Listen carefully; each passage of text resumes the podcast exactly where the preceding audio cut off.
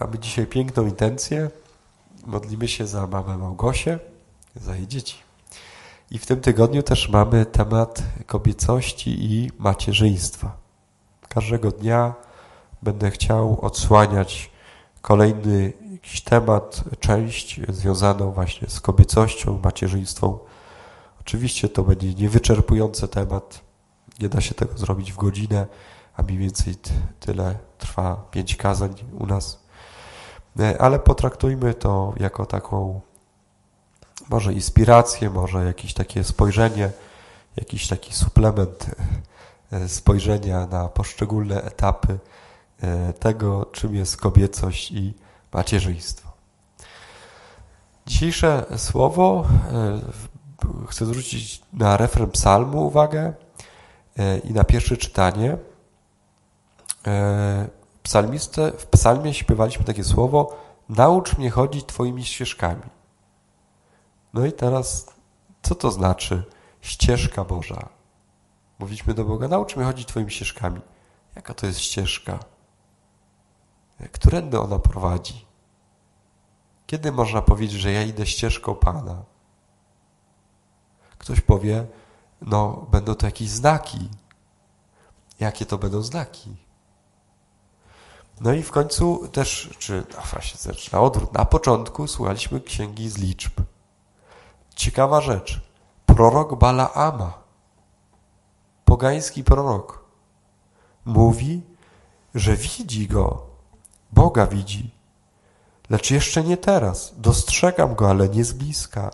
Schodzi gwiazda z Jakuba, w Izraelu podnosi się berło. Zaczyna coś widzieć, nawet pogański prorok jakąś drogę, jakiś sens. Całe to słowo przygotowuje nas na przyjście Chrystusa. Abyśmy umieli Go zobaczyć i poganie Go zobaczą. Nie tylko wierzący w Niego. Widzenie Chrystusa, czy widzenie Pana Boga nie, poprzedzone jest znakami. O tym mówi Jezus. Pytają go, czy ty jesteś tym, jakim znakiem to prawisz, kim jesteś, jakim, jakim prawem to czynisz. I on im mówi o Janie Chrzcicielu. Jan Chrzciciel jest znakiem, znakiem zewnętrznym, odnoszącym się do Chrystusa, do Mesjasza. I teraz tematem naszym w tym tygodniu jest kobiecość, jest macierzyństwo. Kobieta jest znakiem czego? Łącząca w sobie dwie rzeczywistości jest kobieta. Świata zewnętrznego i świata wewnętrznego. Kiedy myślimy o kobiecości, to w sposób naturalnie patrzymy na to, co kobieta ma na zewnątrz. Jaka jest, jaka się prezentuje. Chłopczyk może się pobrudzić Chłopczyk może być ubrany nie do kompletu i nie do koloru i to jest naprawdę trzeciorzędne. U chłopca jest to trzeciorzędne. Ale u dziewczynki jest to kluczowe, jak ona wygląda.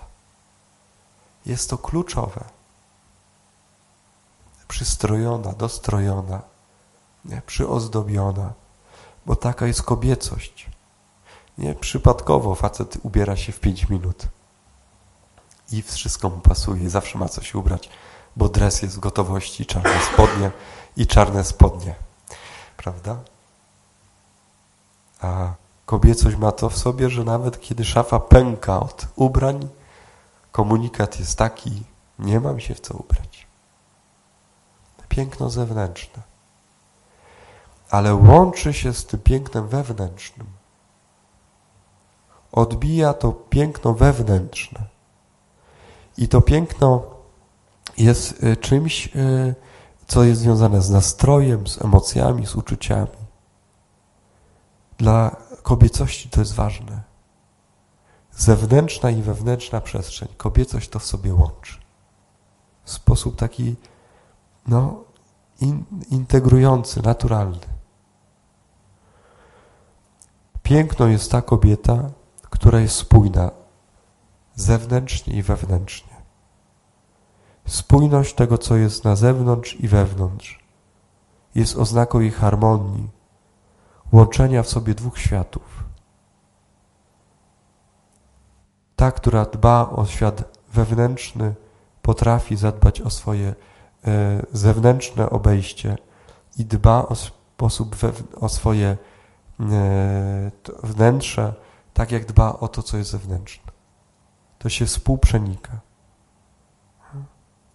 Jasne, że popatrzcie, kosztem tego jest co? Kosztem tego jest czas.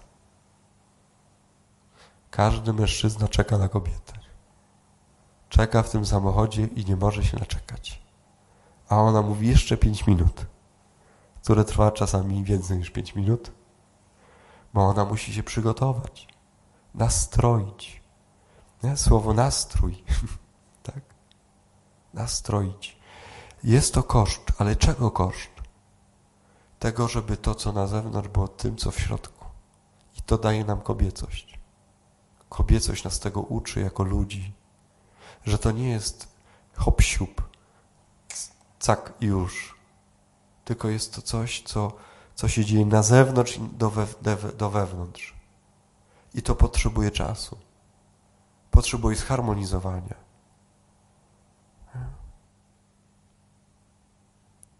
Ubieram się do okoliczności. Dobieram słowa do okoliczności. Mówię słowami, które czuję. Mówię, mówię słowami, które wyrażają moje wnętrze. Po tym jest, to jest bardzo kobiece. Facet mówi to, co myśli. Facet mówi to, co myśli. On może kompletnie nic nie czuć. Nic. Będzie mówił, jak się nauczył, jak mu kazano. Tak? Będzie mówił, jak się naczytał. A kiedy zadasz mu pytanie, co czujesz, to odpowie, myślę, że to i to. On nawet myśli, że czuje. Ale jest gotowy od razu to zrobić. Bez zastanowienia. Od razu powie. Tak jak się nauczył. Inaczej będzie z kobietą. Trzeba będzie czekać. Bo ta harmonia wewnętrzna, to strojenie wewnętrzne z tym, co jest na zewnątrz, będzie trwało.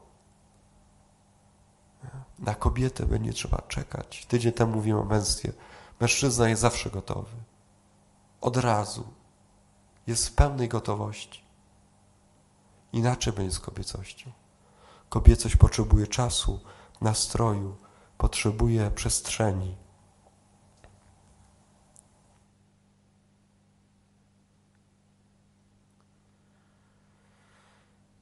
Tragedią jest to, gdyby zatrzymać się na pięknie zewnętrznym kobiety. Tragedia to jest. Gdyby komuś przyszło na myśl zatrzymać się tylko na Twoim zewnętrzności, trzeba byłoby taką kobietę zakonserwować, nie? pomalować, ubrać i tylko stroić gdyby zatrzymać się tylko na tym, co na zewnątrz. Niektóre kobiety wpadają w taką pułapkę. I niektórzy mężczyźni też wpadają na taką pułapkę. Że to, co zewnętrzne, wystarczy, żeby być kobietą. Nie, nie wystarczy. Dlatego ta kobiecość, istota e, kobiecości przejawiająca się w niej wnętrzu, jest w sposób naturalny jej piękno kobiety ukryte, strzeżone i chronione. Zobaczcie, że kobiecość, kobiecość w sposób naturalny jest chroniona. I dobrze, gdy kultura chroni kobiecość, jej godność. Święty Józef i święta rodzina, którzy nam patronują, jest ten, który jest patronem czystości. Jest tym, który chroni y, czystość, to nie tylko czystość seksualna, przede wszystkim czystość serca, myśli, postawa, która chroni kobiecość, dziewiczość Maryi. Jest, zobaczcie, tak samo Józef patronem Kościoła. Patronem Kościoła. Święty Józef jest. I to nie chodzi o to, że to jest patron, który szczerze ludzi, żeby nie weszli do kościoła niewłaściwi. Bo do kościoła może wejść każdy. Tak? Każdy jak do muzeum może wejść i powiedzieć, ładny macie kościół, ładne figury macie, ładne macie obrazy, ładnie tu jest. Ale nie tego strzeże święty Józef. Święty Józef strzeże czego? Tego, co w Kościele jest najbardziej wartościowe. Tego, co jest sercem Kościoła. A zobaczcie, nie każdy jest w stanie czuć Kościół. Nie każdy jest w stanie poczuć modlitwę Kościoła. Nie każdy jest w stanie doświadczyć takiej intymności Kościoła. To jest coś zakrytego, jak ktoś wchodzi do Kościoła, jak do muzeum. To jest coś intymnego tego Kościoła. Święty Józef więc chroni jedno i drugie. Kościół jako ta eklezja, ta matka, jest coś zewnętrznego w nim, ma blask zewnętrzny, ale chroni też coś wewnątrz. Tam nie każdy dojdzie do tego momentu. To będzie proces, czas będzie kosztować czasu, modlitwy, starania, dbania o swoje serce, dbania o swoją wrażliwość, dbania o liturgię, dbania o słowo, dbania o to, co jest między członkami Kościoła. To nie będzie tylko coś zewnętrznego. Święty Józef będzie to chronił.